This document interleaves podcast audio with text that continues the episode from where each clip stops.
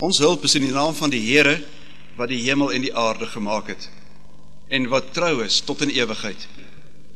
Geliefde gemeente, broeders en susters, genade, barmhartigheid en vrede vir u van God ons Vader en van Jesus Christus ons Here deur die kragtige werking van God die Heilige Gees. Amen.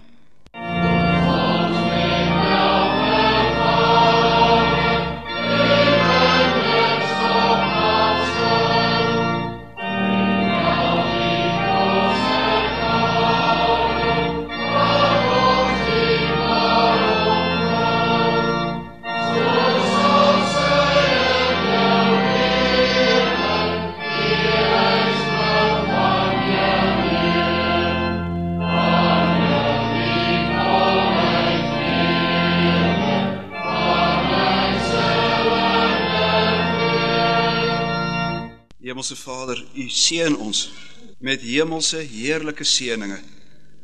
Hierdie oggend beleef ons dit heel konkreet om hier te mag wees. Dit was vanoggend weer 'n voorreg om te kan opstaan, van U gesondheid te kry, reg te maak vir die erediens. Daarvoor het U die gesondheid en die krag gegee. U skep ruimte om in alle vrede saam te kom. En U kom ons in U genade tegemoet. Ons dank U vir U ryke seën waarmee ons hierdie diens mag begin het. U liefde, U genade om Christus wil. Die gemeenskap met U Heilige Gees beheers ons hele lewe. En nou heel besonder terwyl ons bymekaar mag wees en mag geniet van al die genade en goedheid wat U in ons bewys. Dankie Here dat U ons in die afgelope week gedra het Daar was voorspoed geweest, daar was ook tye wat dit moeilik gegaan het. Ons het soos dikwels in die lewe weer groot besluite moes neem. Daar's van ons broeders en susters wat in die hospitaal was. Party is nou nog steeds siek.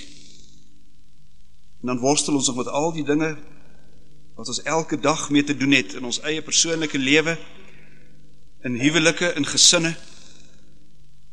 Maar deur alles het U ons bewaar. En hier is ons. Elkeen met ons eie gedagtes en gevoelens, maar by mekaar in die eenheid van ons geloof in U. Dankie Here dat U soveel bemoeienis met ons maak. En nou bid ons dat U ons sal seën. Nou as ons gaan luister, as die woord oopgaan, maar ook met al ons ander aktiwiteite van aanbidding en lof, maar laat dit ons volg al die dae van ons lewe. Ons bid vir ons gesinne, Vader. Ons mag sing van kinders wat soos olyfboontjies op die tafel is. En die olyfboontjies word groot en hulle word gesinne. En ons dankie dat ons dit alles hier mag beleef in die gemeente. Jong gesinne, volwasse gesinne. Daar is ouer pare wat se kinders lankal uit die huis uit is. Dankie dat U ons bewaar deur alles heen. Maar ons lê ook ons bekommernis aan u voor. Want om die kinders op te voed in die vrees van die naam is nie maklik nie. Om elke keer weer die regte oomblik, die regte ding te sê en die regte ding te doen om ons kinders so op te voed dat hulle u sal lief hê is veel eisend. En net so in ons huwelike Vader. Ons bid vir genade dat u met ons wil wees. U weet wat in ons huise aangaan. U ken ons van binne uit. Ken ons liefde vir mekaar en vir U. Maar U weet ook waar spanning is. En waar ons moet beklei teen allerlei gevare van buite wat insluip waarvoor ons so bedag moet wees. Ons bid dat U ons wil staande hou. So vra ons die seën ook oor al die verhoudinge waarin jong mense mag staan, verloofdes en jong mense wat lief is vir mekaar dat dit mag groei en dat dit mag bloei en dat dit mag uitloop op huwelik en dat U daarin verheerlik word. Begenadig ons ook in ons grysse ouderdom dat ons mekaar altyd in U sal lief hê en dra, ook nie skaam sal wees om mekaar reg te help nie.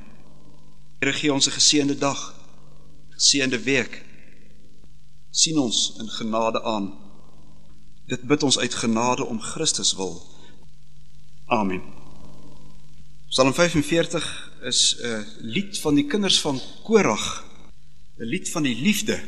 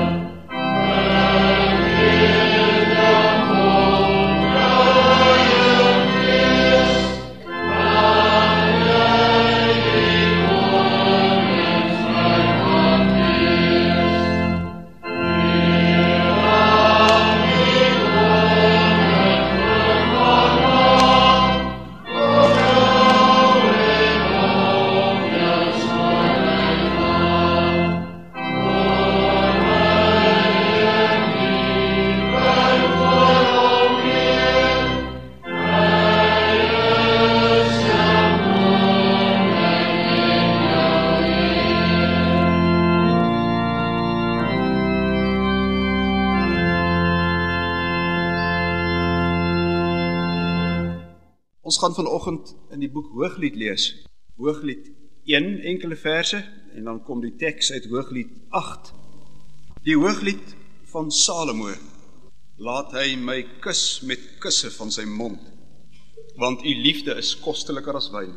U salf is aangenaam van geur. U naam is so salf wat uitgegiet is. Daarom het die jong vroue u lief. Trek my agter u aan. Laat ons gou maak koning het my in sy binnekamers gebring. Ons wil juig en ons in u verheug. Ons wil u liefde prys meer as wyn. Met reg het hulle u lief. Ek is bruin gebrand, maar lieflik o dogters van Jerusalem, soos die tente van Kedar, soos die gordyne van Salomo. Moenie na my kyk omdat ek so bruinerig is, omdat die son my verbrand het nie. Die seuns van my moeder was toornig op my Hulle het my aangestel as oppasser van die wingerde. My eie wingerd het ek nie opgepas nie. Vertel my tog, my sielsbeminde, waar laat u wy? Waar laat u smiddags die vee lê in rus? Want waarom sou ek wees soos een wat haar met 'n sluier toedraai by die kuddes van u metgeselle? En daarop volg die woorde van die bruidegom van vers 8. Maar in aansluiting by die woorde van die bruid gaan ons nou luister na die teks in Hooglied 8 vers 11 en 12. Salomo het 'n wingerd in Baal Hamon gehad. Hy het die wingerd aan die oppassers oorgegee. Elkeen moes vir sy vrugte 1000 sikkel silwer inbring. My wingerd is hier voor my. Die 1000 sikkels is vir u Salomo en 200 vir die wat sy vrugte bewaak. Die woorde van die bruidegom. Geliefde bruid van ons Here Jesus Christus, broeders en susters. Vir die heel party mense is die Hooglied 'n raaiselagtige boek. Wat moet ons hiermee maak? Partykeer mag dit dalk lyk asof daar 'n paar ongemaklike verse in Hooglied is. Hoe lees 'n mens dit sommer so in die kerk? Hoe sal die kinders dit verstaan? Wat moet ons met hierdie Hooglied doen? En hoe moet ons dit toepas? Skrifverklaarders uit alle eeue het oor die vraag kop gekrap en ons gaan vanoggend beslis nie daarbey stil staan hoe al hierdie verskillende teorieë werk en hoe dit in mekaar steek nie. Hooglied is evangelie. Dis die evangelie van Jesus Christus van A tot Z. En dan is daar twee sake wat in hierdie evangelie as vertrekpunt gaan dien. Die eerste, ons hoor die stem van ons bruidegom in hierdie boek. En daarom sluit die tweede vertrekpunt noodwendig daarbey aan. Vir die regte verstaan van die Hooglied geld dieselfde reël soos vir alles in die Ou Testament. Dit het betrekking op Christus. Kyk maar na Lukas 24 vers 27, Johannes 5 vers 39, twee sleuteltekste in die Nuwe Testament waar Christus self sê alles van die Ou Testament het betrekking op my.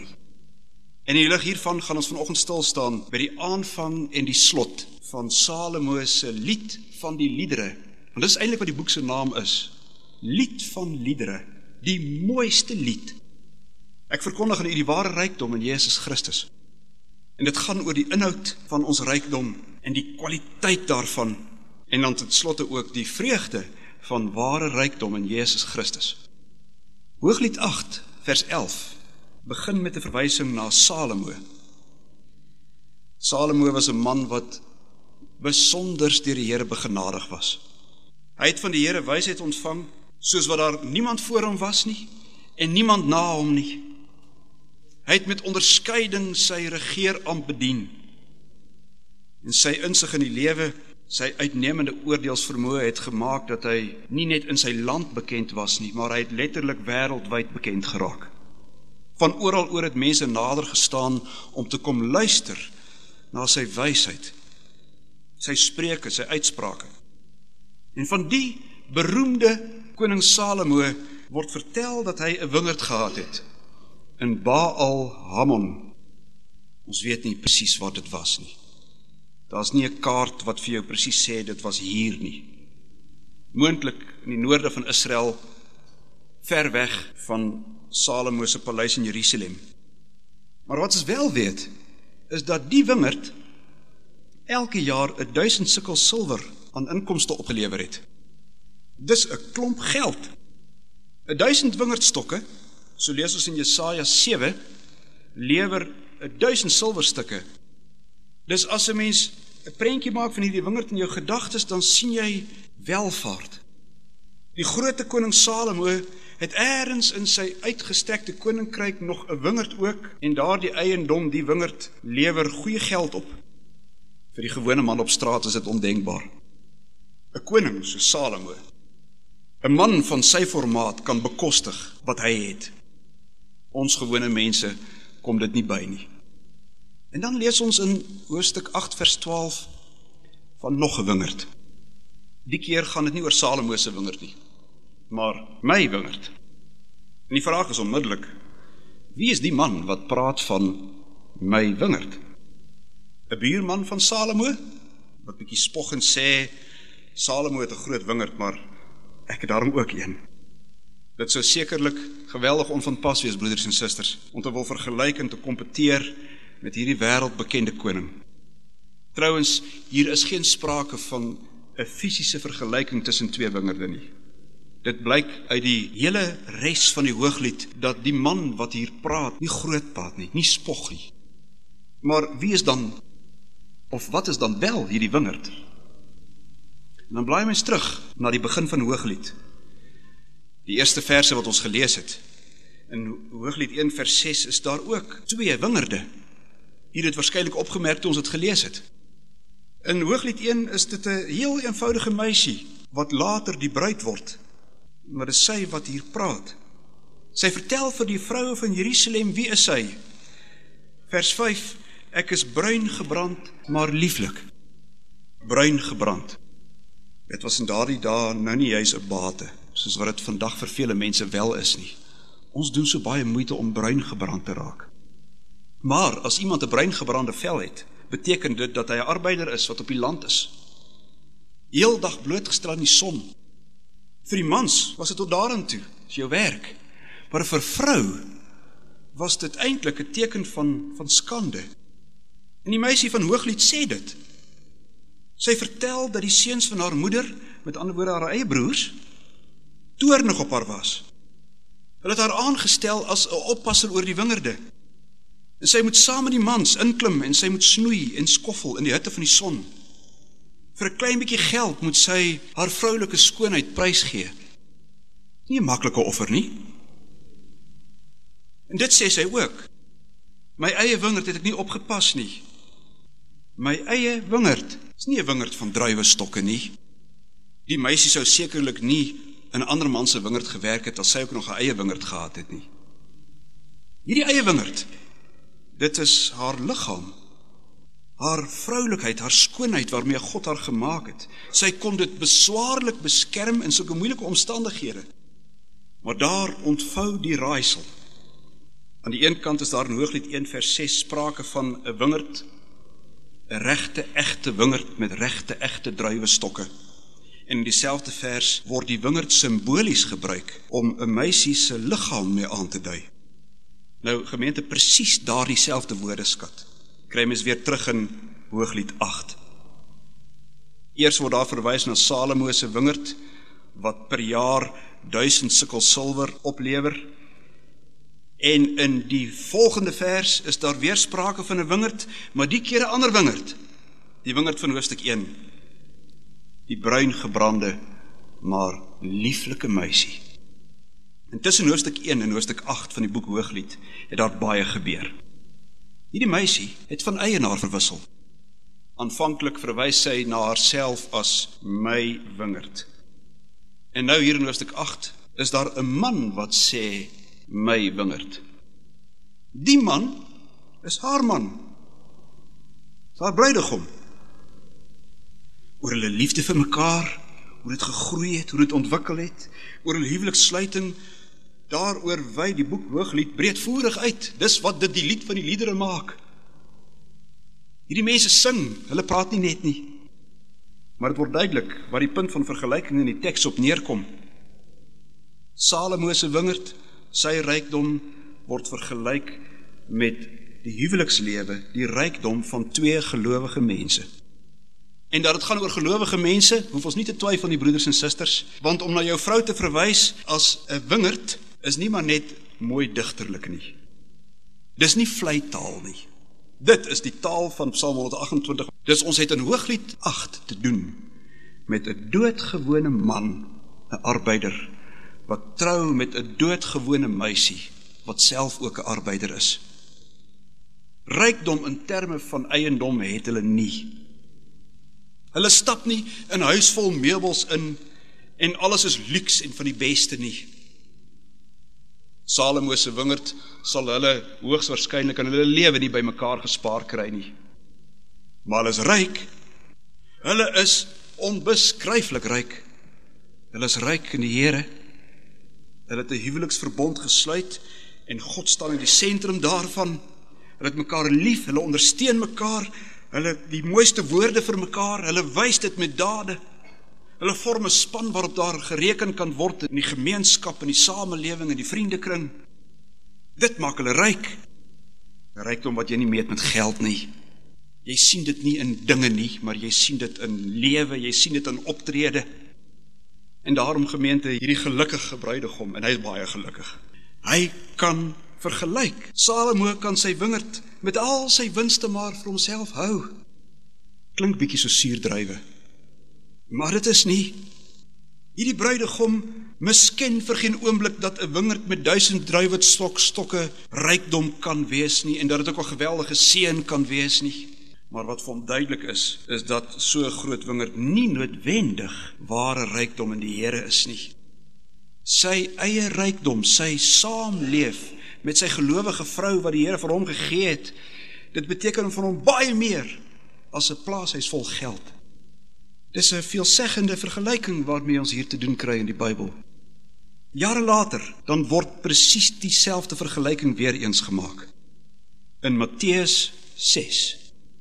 Die Here Jesus trek die lyne verder as hy vir sy disippels beduie: "Let op die lelies van die veld. Hoe groei hulle?" En 'n heel party van ons het al 'n veldlelie gesien, dis 'n pragtige blommetjie. Maar hulle arbei nie. Hulle spin nie. En dan sê die Here Jesus: Ek sê vir julle dat self Salomo in al sy heerlikheid nie bekleed was soos een van hulle nie. Een veldlelie is ryker as Salomo met al sy skatte. In ons taal, een hardwerkende kind, een betrokke ongetroude lidmaat, een minder gegoede maar gelowige egpaar is ryker as die wêreld met al sy skatte. Solank ons maar ryk is in geloof en liefde vir God, as dit uitstraal, as dit wys na ander mense toe, as jy ander mense ook daarmee ryk maak. Solank ons een is met ons Here Jesus Christus wat ter wille van ons arm geword het om ons ryk te maak tot in ewigheid. Dis rykdom. En wat dit nog mooier maak is as ons luister na wat is die kwaliteit van hierdie rykdom. Die bruidegom van Hooglied 8 maak 'n baie belangrike opmerking oor Salomo se wingerd. Hy sê dat Salomo hierdie wingerd van hom aan oppassers oorgegee het. Nou daar het baie arbeiders vir Salomo gewerk. Party moes die grond werk, ander moes aandag gee aan die snoei van die lote. Daar was 'n spesiale span om die voëls en die jakkalse weg te jaag, vrugtediewe 'n groot wingerd soos die van Salomo kan jy tog nie sonder arbeid los nie. Dis arbeid intensief. Maar Salomo self het nie 'n vinger geroer in hierdie wingerd nie. Hy het hoogstens een of twee maal per jaar in sy deftige rytuig gery en dan kom hy by die wingerd en dan kyk hy hoe gaan dit hier. Maar verder het hy net geniet van die opbrengste, die geld wat uit die wingerd voortkom. En dit klink aangenaam en gerieflik. Geld stroom in en jy doen nie eens feeslik baie moeite daarvoor nie. Maar gemeente, daar's iets baie grondigs wat kort kom met hierdie rykdom van Salomo. Want ons ken almal die spreekwoord wat sê ver van jou goed naby jou skade. En dit was vir Salomo regtig so. Sy kapitaalkragtige wingerd het vir hom 'n pragtige bate op papier geword. Maar ander mense het geniet van die mooi van die wingerd. Hulle daar gewerk. En hoeveel keer gebeur dit nie dat die ander mense die eienaar so 'n bietjie indoen nie? En buitendien, wat het van Salomo se wingerd oorgebly? Kort na sy dood word sy magtige koninkryk in 12 stukke in twee stukke eintlik maar onder die 12 stamme van Israel verdeel. Sy eie seun Rehabiam kry twee van die dele. 10 12des van Salomo se geweldige groot ryk val in die hande van ander. Die wingerd ingesluit. En jare later by die ballingskap dan val alles in die hande van heidene. Erfgoed is swerfgoed. Nou wat is die kwaliteit daarvan? En dan kyk ons na hierdie arbeider bruidegom. Hy's getroud met sy bruin gebrande lieflike wingerdstok. Hy versorg sy wingerd. Hy laat niemand toe om in hierdie sorg in te dring nie. Tot 3 maal toe onderstreep hy hoe belangrik dit vir hom is dat daar tussen hom en sy wingerd nie afstand moet wees nie. Kyk weer baie mooi na die eerste woorde van vers 12. My wingerd, myne is hier voor my. Nie daar ver nie, is nie so Salomo se wingerd nie maar hier by my, om my, in my teenwoordigheid. Die man se eiendom is kwaliteit. Hy leef daarmee saam, hy geniet daarvan. En weer broeders en susters word die vergelyking tussen die twee wingerde skerp aan ons voorgehou. Salomo se rykdom is rykdom, maar dit lewer geen blywende vrug nie. Dis nie gewaarborgde kwaliteit rykdom nie. Hierdie minder gegoede bruidegom is uiteindelik ryk. Hy's ryk in die Here. En hy beskik oor 'n wingerd wat nie net 'n bate op papier is nie. Dit kan ook nie sommer so van hom weggevat word nie. Die Here het dit vir hom gegee.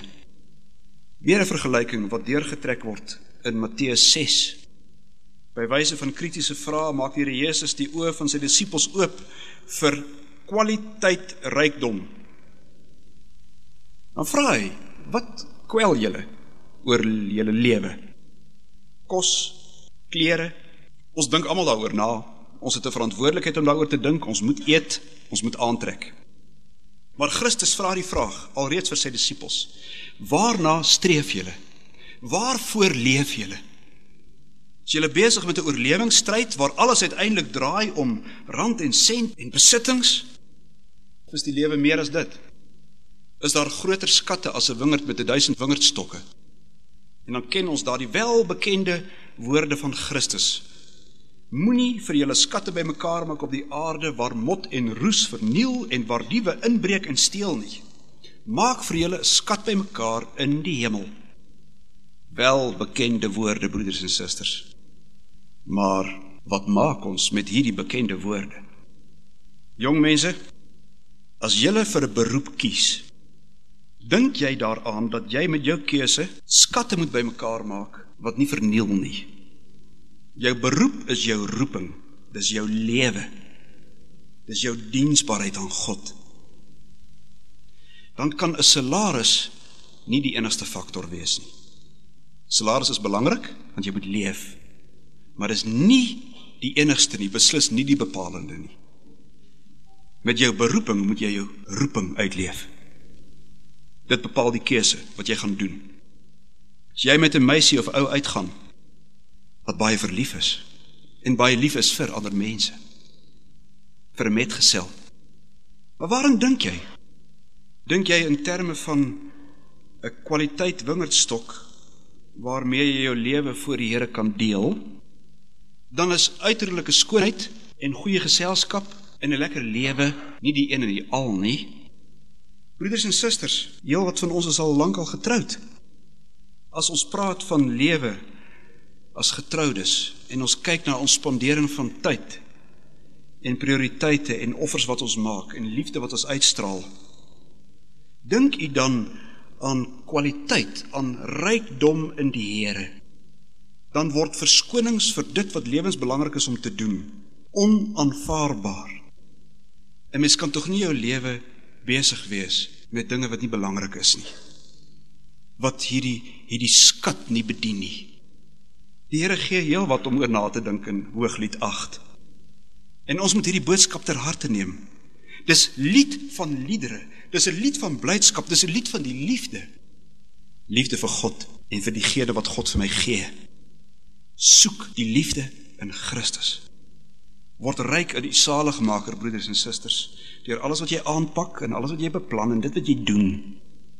As dinge buitekant Christus lê, los dit. Dit maak jou arm, brandarm. En nou, kyk, daar's 'n stuk vreugde waarmee alles afsluit oor Salomo se rykdom is daar nou al 'n hele klomp vraagtekens geplaas. Afgesien daarvan dat sy rykdom nie goeie kwaliteit blyk te wees nie, lees ons dat van die 1000 sikkel silwer wat die wingerd opbring, 200, 'n vyfde, na die oppassers toe moet gaan. Salomo se winste is nie, is nie syne nie. Die wyse prediker sê daarvan in Prediker 5 vers 10: As die goed baie word, word die eters baie. Watter voordeel het die besitter daarvan behalwe dat hy dit met sy oë aanskou? Hy sien nog sy rykdom en ons dit weg. En daarteenoor stel Prediker 5 vers 17: Dit is voortreffelik dat iemand eet en drink en die goeie geniet vir al sy arbeid waarmee hy hom vermoei onder die son gedurende die getal van die dae van sy lewe wat God vir hom gee. Dat hy eet en drink en die goeie geniet. Dit is rykdom om te geniet van dit wat God in Christus vir jou gee. En dan is geld ook 'n middel wat die Here vir jou gee om van te geniet. Ongetwyfeld. Solank ons dit maar dankbaar ontvang en met vreugde in diens van die Here aanwend, dan kan eintlik enige materie vreugde verskaf. Maar as opmerklik, die grootste vreugde lê nie in dinge nie, nie in materie nie.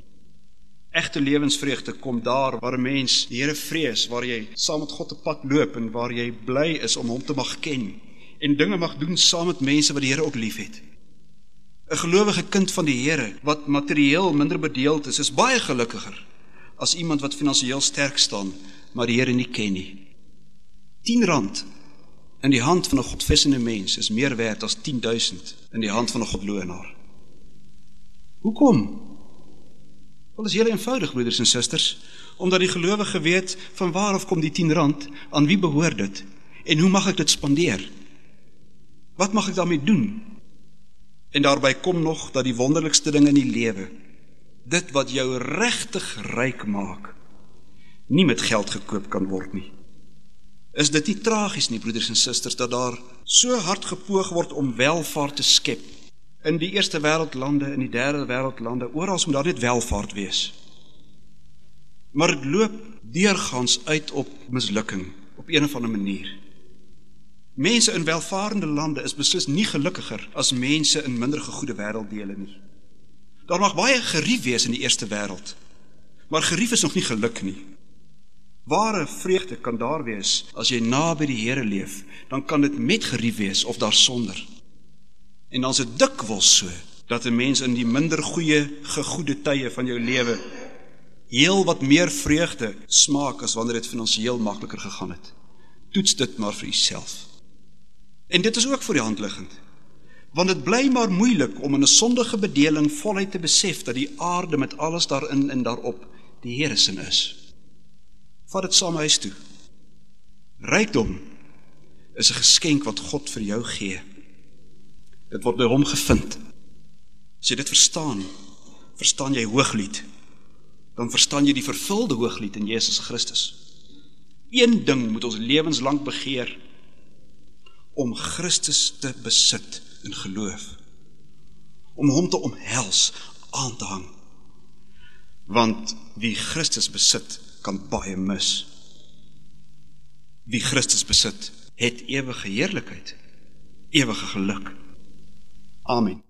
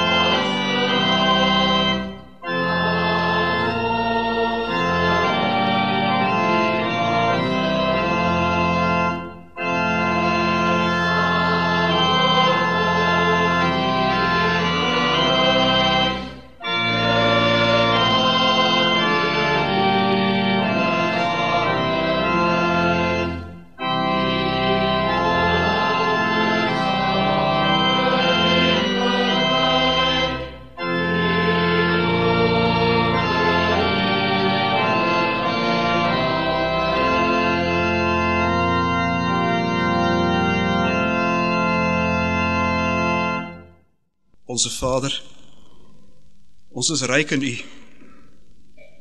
As ons moet kyk wat ons alles van U ontvang en ons tel al die bates bymekaar, dan is dit onvergelykbaar, onmeetbaar heerlik en groot wat U alles vir ons gee. Ons bely dat ons van tyd tot tyd vaskyk teen dit wat ons nie het nie.